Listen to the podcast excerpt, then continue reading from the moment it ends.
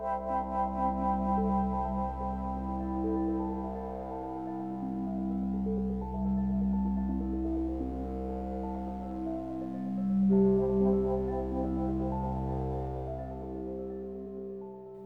Suzi ile Kırılgan Sohbetlere hoş geldiniz. Bugün beni çok heyecanlandıran bir program kaydedeceğiz. Konuğum da sürpriz bir konuk. Jackie Barov. Jackie kendini anlatacak ama benim Jackie'yi tanımlarken kullandığım şey ilhamın üç boyutlu hali. Dün akşam böyle araştırma yaparken aa ne yapmış, aa bunu da yapmış, bunu da yapmış derken gerçekten ilhamı böyle üç boyutlu forma soksanız bence Jackie çıkardı. Konumuz ise kadınların regle olmadan önce yaşadıkları gerginliğin erkekler üzerindeki etkisi, erkekler bunu nasıl deneyimliyorlar, bununla nasıl baş ediyorlar, onların içinde ne oluyor, birbirimizi anlamak için neye ihtiyacımız var gibi sorular üzerinden gideceğiz. Buyurun dinlemeye. Hoş geldin Jackie. Hoş bulduk. Nasılsın? İyiyim, sen nasılsın? İyiyim, harikayım.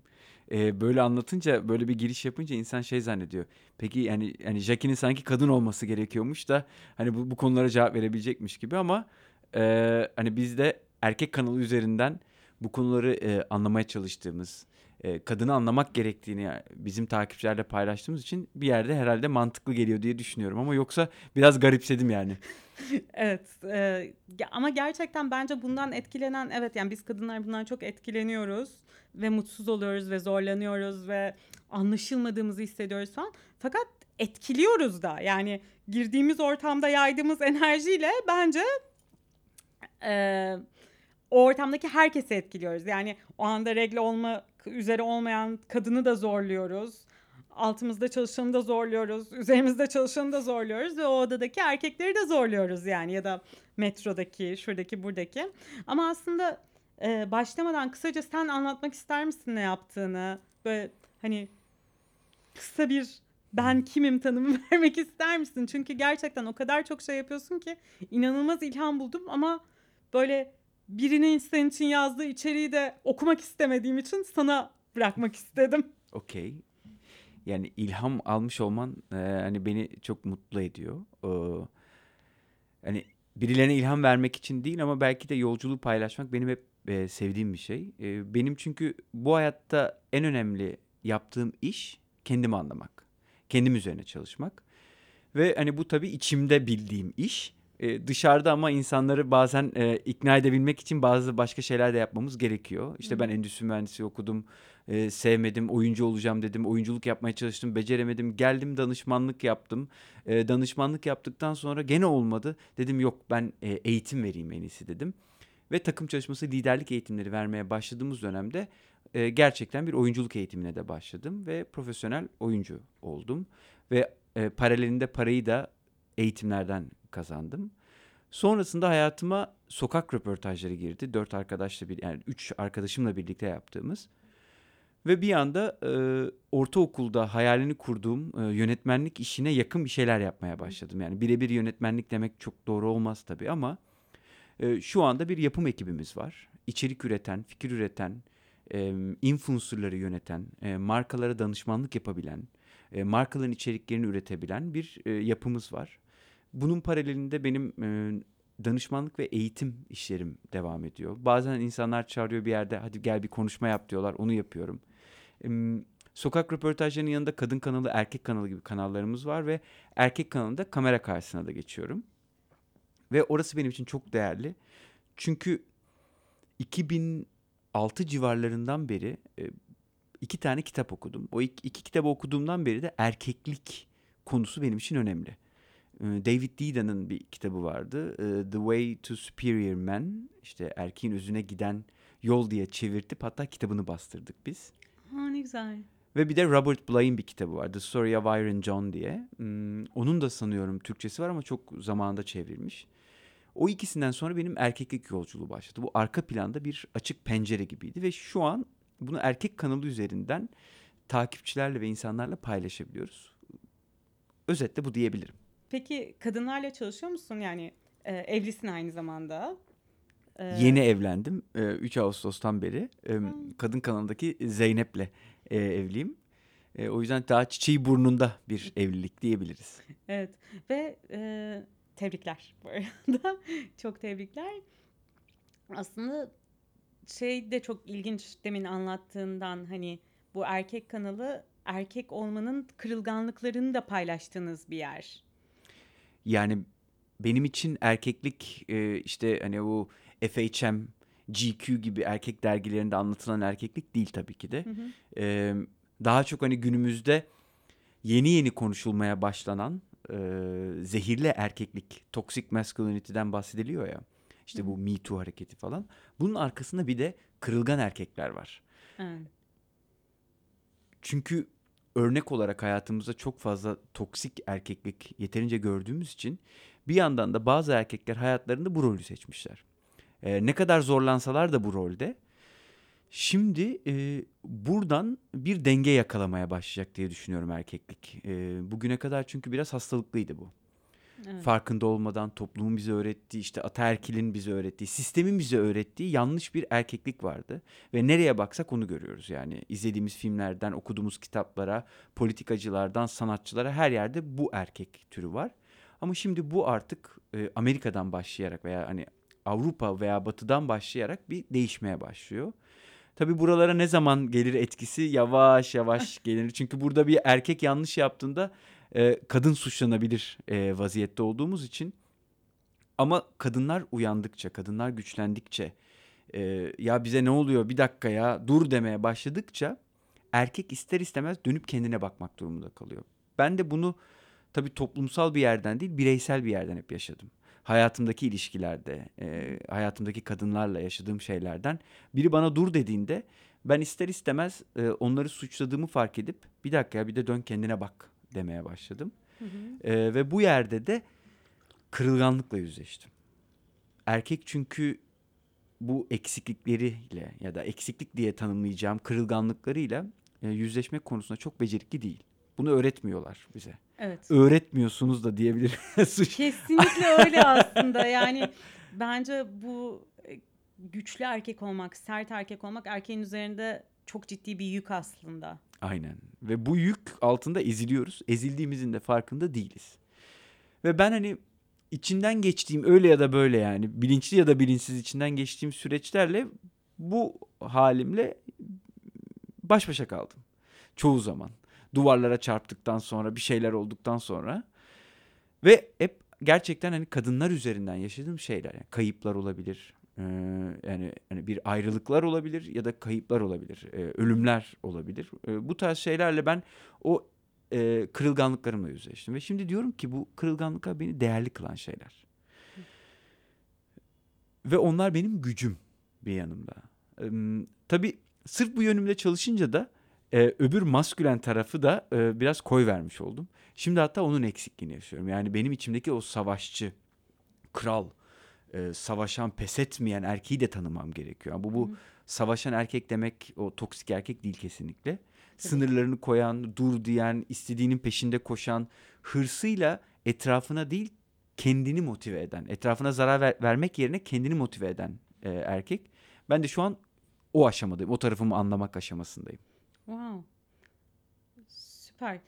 Aslında bir şey vardı. Kırılganlık hani zorlanmanın kapısını açtığı gibi yaratıcılığın, üretkenliğin aslında hani birçok güzel şeyin de kapısını açıyor diye. Ve belki kırılganlık aslında diğer taraftan o gücün de kapısını açmış sana. Hani gerçekten o daha güçlü işte tuttuğunu koparan kişiye doğru da götürmüş seni. E, şöyle özetleyebilirim onu. E, Şahik Atakan bizim yönetmenimiz stüdyo Evet. oyuncularında. O hep şöyle derdi yani hani onun metodolojisinde diyelim. Ne kadar fazla sınır varsa o sınırın içerisinde yaratıcılık o kadar artıyor. Evet. E, ne kadar serbestsen o kadar gevşiyorsun ve yaratıcılık sınırlanmaya başlıyor. Yani tam tersi. E, hayatımızdaki kırılganlıklar da aslında bizim sınırlarımız diyebiliriz. Yani ben dediğim şeyin, içinde olduğum bu aracın sınırları. E, nasıl ki bedenimin sınırları var, esneklik seviyesi var, e, zihnimin bir kapasitesi var. E, duygusal anlamda da bazı sınırlarımız var. E, yetiştiriliş tarzımızdan, taşıdığımız kolektif e, bilinçten. Bu sınırları biz bildikçe bununla neyi yapabileceğimizi ya da bunu nereye kadar esnetebileceğimizi biliyor oluyoruz. İşte yoga yaparken ilk başta bakıyorsun eğilemiyorsun yani. Önce buna direniyorsun, kızıyorsun. Sonra yogayı bırakabilirsin. Ama ne yapıyorsun? Ben düzenli olarak bu esneme hareketini yapacağım. Ve bir yerden sonra o alan genişliyor, esneme alanı. Ama önce sınırını bilmen gerekiyor. Kırılganlıklar da öyle bir yer diyebiliriz. Peki bu regl öncesi durum ilk ne zaman öğrendin sen böyle bir şeyin olduğunu? Ee, bizim evde ben, babam ve annem e, vardı. E, ve biz böyle daha arkadaş gibi büyüdük. Hı. Hatta ben onlara isimleriyle hitap ederim. E, ve daha genç, yani çok küçük yaşta bana bunu anlattıklarını hatırlıyorum. Yani hani e, tabii o dönemde maalesef hastalık olarak hani kadınlar ayda bir böyle bir şey yaşarlar. Utanırlar, çekinirler. Sakın bunu yanlış anlama. İşte şöyle bir şey olur, böyle bir şey olur. Bana teknik olarak anlatmışlardı. Hı hı. Tabii o yaşta teknik olarak anlatılan şeyi hiç anlamamıştım ama ayda bir bir şey oluyor kadınlara. Kötü hissedebilirler, bozulabilirler. İşte babam onu şey yapardı. Biz ayda bir kere e, Anita ile ayrılırız. Sonra bir araya geliriz. Tabii ben o zaman ne demek istediğini çok anlamıyordum. Ondan sonra ben de romantik ilişkiler yaşamaya başladığımda anladım. ne demek istediğini gerçekten iyi anladım. E, bir de tabii hani olgunlaştıkça e, ve bir de işin detayını daha da anlamaya, e, e, kulak vermeye yani kadını duymaya alan açtığında daha da öğreniyorsun. Kimisi için çok zor olduğunu, kimisinin ayda bir kere serum yemek zorunda kaldığını, hastanelik olduğunu, kiminin ise çok rahat geçirdiğini sonradan öğreniyorsun. E, Ve ondan sonra gözlemlemeye başlıyorsun hepsinin farklılıklarını. Ve uzun süreli çalıştığın ortamlarda kadınların o dönemsel değişkenliklerini fark etmeye başlıyorsun. Ha herhalde bu arkadaş şimdi bu dönemde, şimdi bu dönemde gibi. E, ondan sonra e, mesela bir tane arkadaşım vardır, kuş gözlemcisidir. Böyle çok kitap okur, böyle hani gelse anlatsın saatlerce dinlersin hikayelerini. E, o şey anlatmıştı. Şimdi biz hep şeye odaklanıyoruz. Negatif olana odaklanıyoruz ya. Hani işte PMS dönemi diye adlandırılan e, hani kanamadan önceki regl başlangıcından önceki süreç. Yok regl başlangıcı şey demek. Kanamanın bittiği gün aslında değil mi? Cycle'ın başlaması kanamanın bittiği gün. Evet. Ee, Ama bu bizim bahsettiğimiz o reg başlamadan, yani kanama başlamadan önceki o gerilim hali. Aynen. Hani bazısına alınganlık, bazısına ağlaklık, bazısına böyle çok üzüntü, bazısına atarlılık Aynen. olarak kendini gösteren. Şimdi biz hep buna odaklanıyoruz. Ama bu dönemde güzel olan şeyler de var erkek için. Ee, kadın çünkü işte hamileliğe hazırlıyor vücudu. Hamile olup olmadığından tam emin değil ama hormonal olarak salgılıyor. Aslında memeleri büyüyor. Ee, kadın daha e, hani hmm, ne denir? Bence hani hamile kadın bir çekici kadındır. Neden bilmiyorum. Bir e, aurası oluyor veya bir gücü güçleniyor ve kendine merkezlendiği için büyük ihtimalle daha çekici bir kadın oluyor. Ve büyük ihtim- ihtimalle tam bu dönemden önce sa- e, salgılanan hormonlar aynı hissi yaratıyor. Kadın daha bir e, çekici olabiliyor. Ondan bir hafta önce de galiba hani en çok e, çiftleşme yani feromon hormonlarının salgılandığı dönem erkek için en çekici oldu. Hani farkında değiliz biz aslında hani daha e, biyolojik, daha geçmiş, daha hayvansal olduğumuz tarafa baktığımızda kokular var. Ve kokuları biz alıyoruz ama farkında değiliz. Bu arkadaşım bana anlatmıştı. Bir gün biz gittik Gürcistan'da dedi. Bir bakkala girdik dedi. Bakkalın kızı vardı dedi. Bakkala üç arkadaş girdik. Üçümüz de mi kıza aşık oluruz dedi. Nasıl oldu bilmiyoruz ama hepimiz kıza aşık olduk yani. Böyle kıza akıyoruz yani enerji olarak diyor. Allah Allah ve o şeyi anlattı. Kuşlarda bunun nasıl yaşandığını ve aynı şekilde bizde de olduğunu. Aslında çok mucizevi bir, yani mucizevi sanki onu idealleştirmeyelim yani öyküselleştirmeyelim ama ya çok güzel bir hormonal bir süreç var. O süreçten faydalanabiliriz. Bunu bilip bununla şakalaşabildiğimizde, bunu alan açtığımızda, anladığımızda ha bu demek değil ki dediğin o dönemde be, kimisi için 3 gün oluyor, kimisi için 5 gün oluyor, kimisi için 7 gün oluyor o dönem. Sancılı süreçler olabiliyor. Yani her ne kadar artık bilsek de mesela işte bizim ilişkimizin işte dördüncü senesindeyiz. Ha- bilsek bile gene de yani hani o gerginlik ve o sıkışıklık, o kırılganlık yaşanıyor. Kadın kendi içerisinde bir kırılganlık sürecinden geçiyor. E biz de erkek olarak her seferinde anlayamıyoruz. Çünkü biz diyorum ya kendi değişkenliğimize çok açık olmadığımız için karşımızda haftalar içerisinde sürekli değişen bir canlı var ve anlamakta zorlanıyoruz. Ve ona kabul veremediğimizde de o sıkışıklıklar yaşanıyor. Görmezden geliyorsun, fark etmiyorsun. Sen işine odaklanmışsın. Sen de e, sistemin sana dayattığı baskının içerisinde giderken e, rutine alışıyorsun ve aslında sürekli değişen bir canlının varlığında ne oluyor ya diyorsun. Ne oldu sana gene diyebiliyorsun. Bunu dediğin anda gene dediğin anda zaten karşında bir şeyler patlayabiliyor. e, erkek için ya gerçekten kulak vermek gerekiyor yani. Ne oluyor ya hani demek gerekiyor ve o süreçte değil. hani PMS sürecinde değil ama öncesinde sonrasında bunu konuşmak hem onu rahatlatıyor hem de seni hazırlıyor bir sonraki sürece. E, ne olacağına daha bir hazır ve şey olursun. Bir şey soracağım. E, bu benim başıma kadın olarak çok geliyor. Dolayısıyla e, erkek tarafı nasıl oluyor bu işin onu merak ediyorum. Hani mesela böyle birine bir kızıyorum falan ama yani gerçekten haklı olduğum için kızıyorum yani. Ve birdenbire böyle bir asabiyet geliyor. Bir, bir şey oluyor yani. Ve birdenbire ilk duyduğum şey senin reglin mi yakın oluyor? Yani sanki sen böyle kızamazsın ve bu mu geliyor? Bu yüzden mi bu tepki? Hani bu yüzdense ciddiye almayacağım ama bu yüzden değilse hani oturup konuşalım. Gerçekten öyle bir şey de oluyor mu? Hani birini böyle bir parça asabi gördüğünüzde aman muayen günü geliyor bunun falan diyor musunuz? Şimdi muayyen günü geliyor. e, şimdi bunu demek bence e, şöyle eğer alan veriyorsan o kişiye e, bunu anlamak ve bunu gözlemlemek bence kötü bir şey değil aslında. Hı hı. Ama o bunu duyma duymamalı. Yani karşı tarafa bunu söylememek gerektiğini öğrendim ben. Zor yoldan öğrendim. Ya hani işte PMS misin, regl mi olacaksın dediğinde daha da geriliyor. Yani o anki sıkışıklığını buna bağladığı zaman Hı. duyulmadığını hissediyor aslında karşı taraf. Bu da çok doğal. Hı. Ee, biz çünkü erkek olarak mesela diyelim ki işte bu baskı, işte erkek rekabeti, kendini kanıtlama mücadeleleri içerisinde sıkışıyoruz. Hı hı. Ve o sıkışıklıkla etrafımıza öfke saçıyoruz aslında. Biz de bunu yapıyoruz aslında. Aynı şey. Ee, ve karşı taraf tara- yani karşımızdaki kişi tarafından da anlaşılmadığımızı hissediyoruz. Anlaşılmadığımızda ne oluyor? Daha da sinirleniyoruz. Ve o an e, işteki bir sıkışıklığı ilişkiye yansıtabiliyoruz. E bu da aynısı. E şimdi senin bir sıkışıklığın var hormonal olarak. Okey. Bu bedenin içerisinde yaşanan bir sıkışıklık. Ve o şu anda ilişkiye e, bulaşabiliyor. Bulaşsın.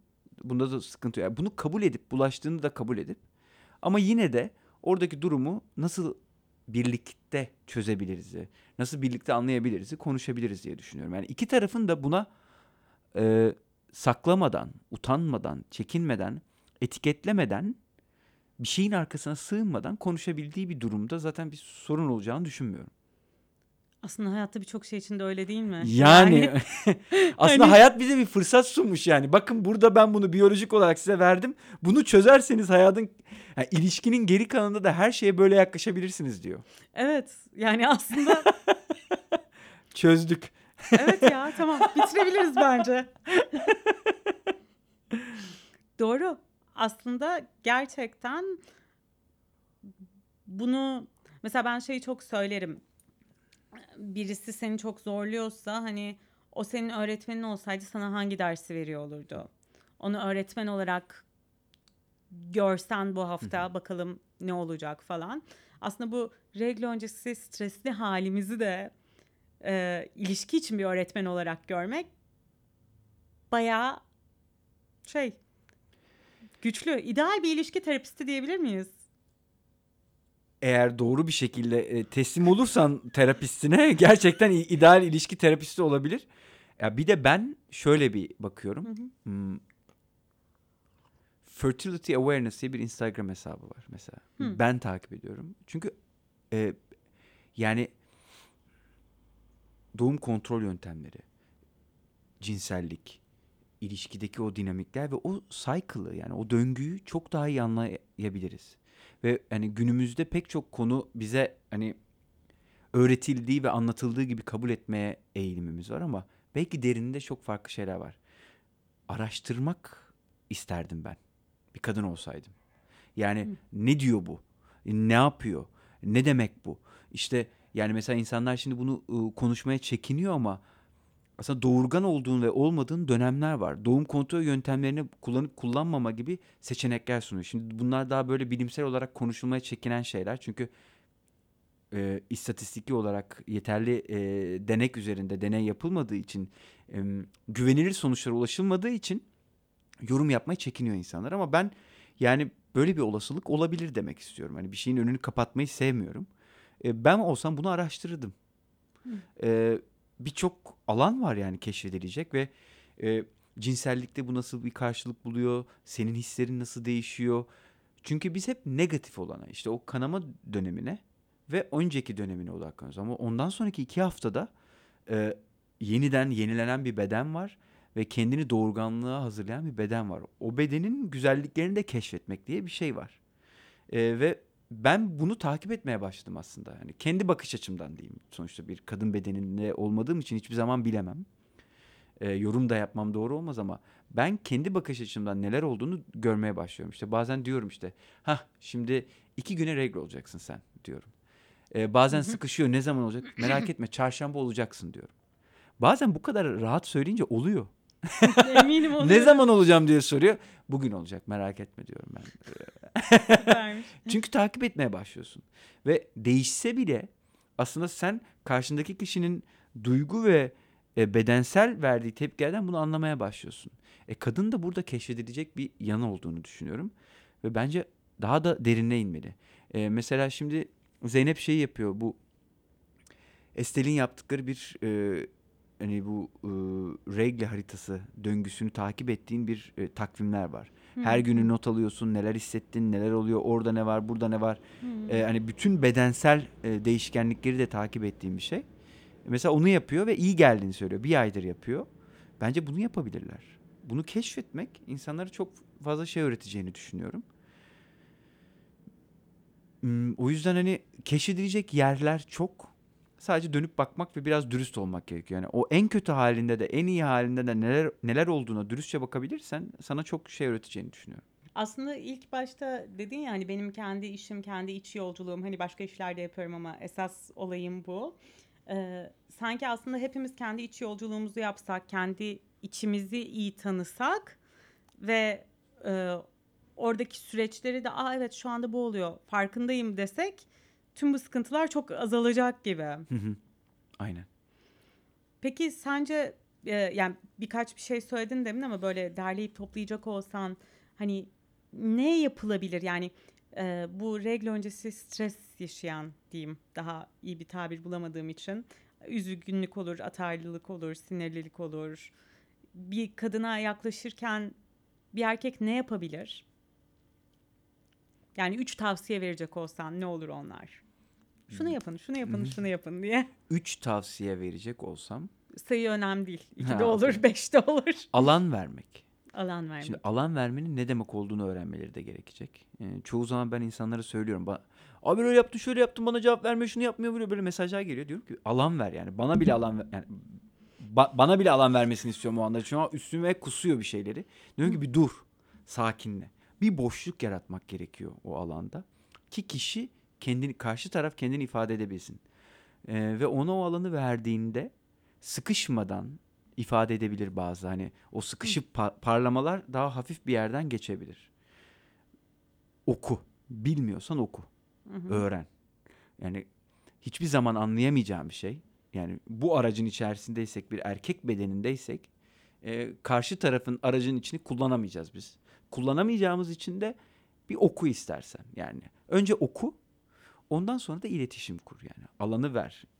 Akmak ya izin bulsun. Kendi olmaya izin bulsun. Oku öğren. Bir de konuş onunla. Sonuçta çünkü kendi başına yapabileceğin bir şey değil bu. Karşı tarafla iletişim kurarak çünkü onun dünyası benim her tanıştığım kadında bu farklıydı. Ee, benzer e, bir döngünün e, aynı da olsa aynı 28 günden de bahsediyor olsak aslında farklılıkları vardı. O an hayatındaki kadınla veya iş arkadaşınla iş arkadaşıyla biraz tabii e, şey olabilir yani garipsenebilir ama yani hayatında bir romantik ilişkideki kadınla bunu konuşabilirsin. Ee, o yüzden e, önce bir alan ver yani bir dur bir yavaşla alan ver. Oku öğren ve iletişim kur. Bence aslında bu kadınlara da önerilmesi gereken bir şey. Bu deneyimi mi yaşıyorsun? Alan ver kendine. Kendini bu konuda eğit. Bu döngüyü tanı. Ve bunu doğru bir şekilde ilet. Yani ben şu an böyle bir süreçten geçiyorum. Ve o yüzden biraz daha atarlı olabilirim diye. Doğru. Ee, şunu merak ediyorum. Hani demin dedin ya biz o aracı hiç kullanmayacağız. Hani içinde olmadığımız bir... Bu konuda şimdi yani aslında hiç tanıyamayacağın bir deneyim yani hiç yaşayamayacağın yani yaşamayacağın diyeyim yaşayamayacağın demeyeyim de bir deneyimle ilgili bu kadar konuşmak falan bu nasıl bir süreçti senin için şimdi burada bizim yaptığımız? Bunu konuşuyor olmak mı nasıl? Evet. Yani hani hiç bilmediğin bir deneyim ve sen hani bunun üzerinde düşündün, fikir verdin, akıl yürüttün. Belki ki daha önce de çok düşünmüşsün ve şey yapmışsın. Yani dediğim gibi hani kendim bunun içinden geçip bunun sıkıntılarını yaşayıp bunu anlamak istediğim ve o bağı kurabilmek istediğim için anla, karşı tarafı anlamak Hı hı. adına ilk başlarda bu karşı tarafın beğenisini almak, karşı tarafın kabulünü almak içindi. Ama aslında bu bir erkeğin hani çözüm odaklı ne oldu yardımcı olayım hani karşında biri sana bir so- sorun anlatırken hemen biz çözmeye çalışıyoruz. Uzatmadan tamam hadi çözelim. Ama aslında ba- mesele o değil. Ee, bir sonraki aşamada da hani önce çözmek istiyorsun, anlamak istiyorsun, beğendirmek istiyorsun kendini. Sonra sen de kendine o alanı verip durabilmek. Hani o sen hani ilgilendiğin için hani mindful olabilmek. Hı. Orada e, sakin kalabilmek için birlikte ve bir ortamda buluşabilmek için. Buluşabilmek çünkü o aracı tanıymasan da bilmesen de o araçla ayrı olmadığını hatırlamak. Ee, ya da daha büyük bir aracın iki parçasıyız diyebilmek Hı hı. için e, buna ihtiyacın var. Ve bunu yaptığımda ben daha bir bütün oluyorum aslında. Önce kendi içimde, e, o an içinde bulunduğum ilişkide de. Yani bu çalışma arkadaşımla da olur, e, partnerimle de olur, ailemle de olur. En zor aileyle tabii de.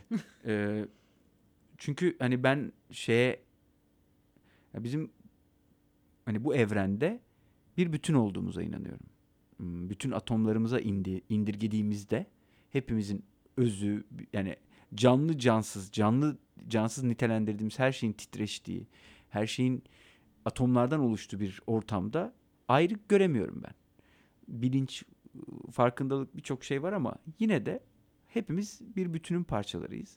O zaman neden ayrı görüp birbirimizi uzaklaştırıyoruz? Neden ayrışıp birbirimize mücadeleye ve bir kavgaya dönüşüyoruzu e, yerine bütünüz deyip ben o dışımdaki dışımda gördüğüm o parçayı nasıl içimde bulabilirim diye soruyorum kendime. Her şeyde böyle yaklaşıyorum.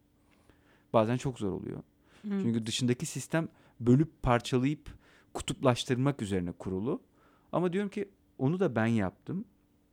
Bu yapıyı nasıl çözerim diye içeriden dışarıya doğru bir çalışma aslında. O yüzden diyorum ya benim işim kendimi anlamak. Kendimi anlamanın biliyorum ki dışımı anlamak ve dışımda dönüşebilmek de anlamına geldiği için. Evet. Ve ortak insan olma halinde buluşuyoruz ondan sonra. Aynen. Hani ben kendimi iyi tanıdığımda, sen kendini iyi tanıdığında buluştuğumuz nokta da çok daha insani bir nokta oluyor. İyi ki geldin ya. Çok güzel oldu bence.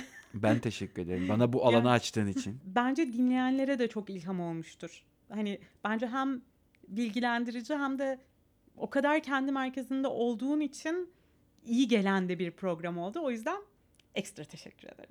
Ben teşekkür ederim. Ee, kadın kanalı ve erkek kanalı da takip edebilirsiniz bu arada. Madem hani son söz biraz da e, şey yapayım. Evet Ee, lütfen. Instagram hesaplarımız var. Dreamer JB, Zeykardi, kadın kanalı, erkek kanalı. Oralardan bizleri takip ederek hani hem ulaşabilir hem e, soru sorabilirsiniz. Teşekkür ederim. ben teşekkür ederim.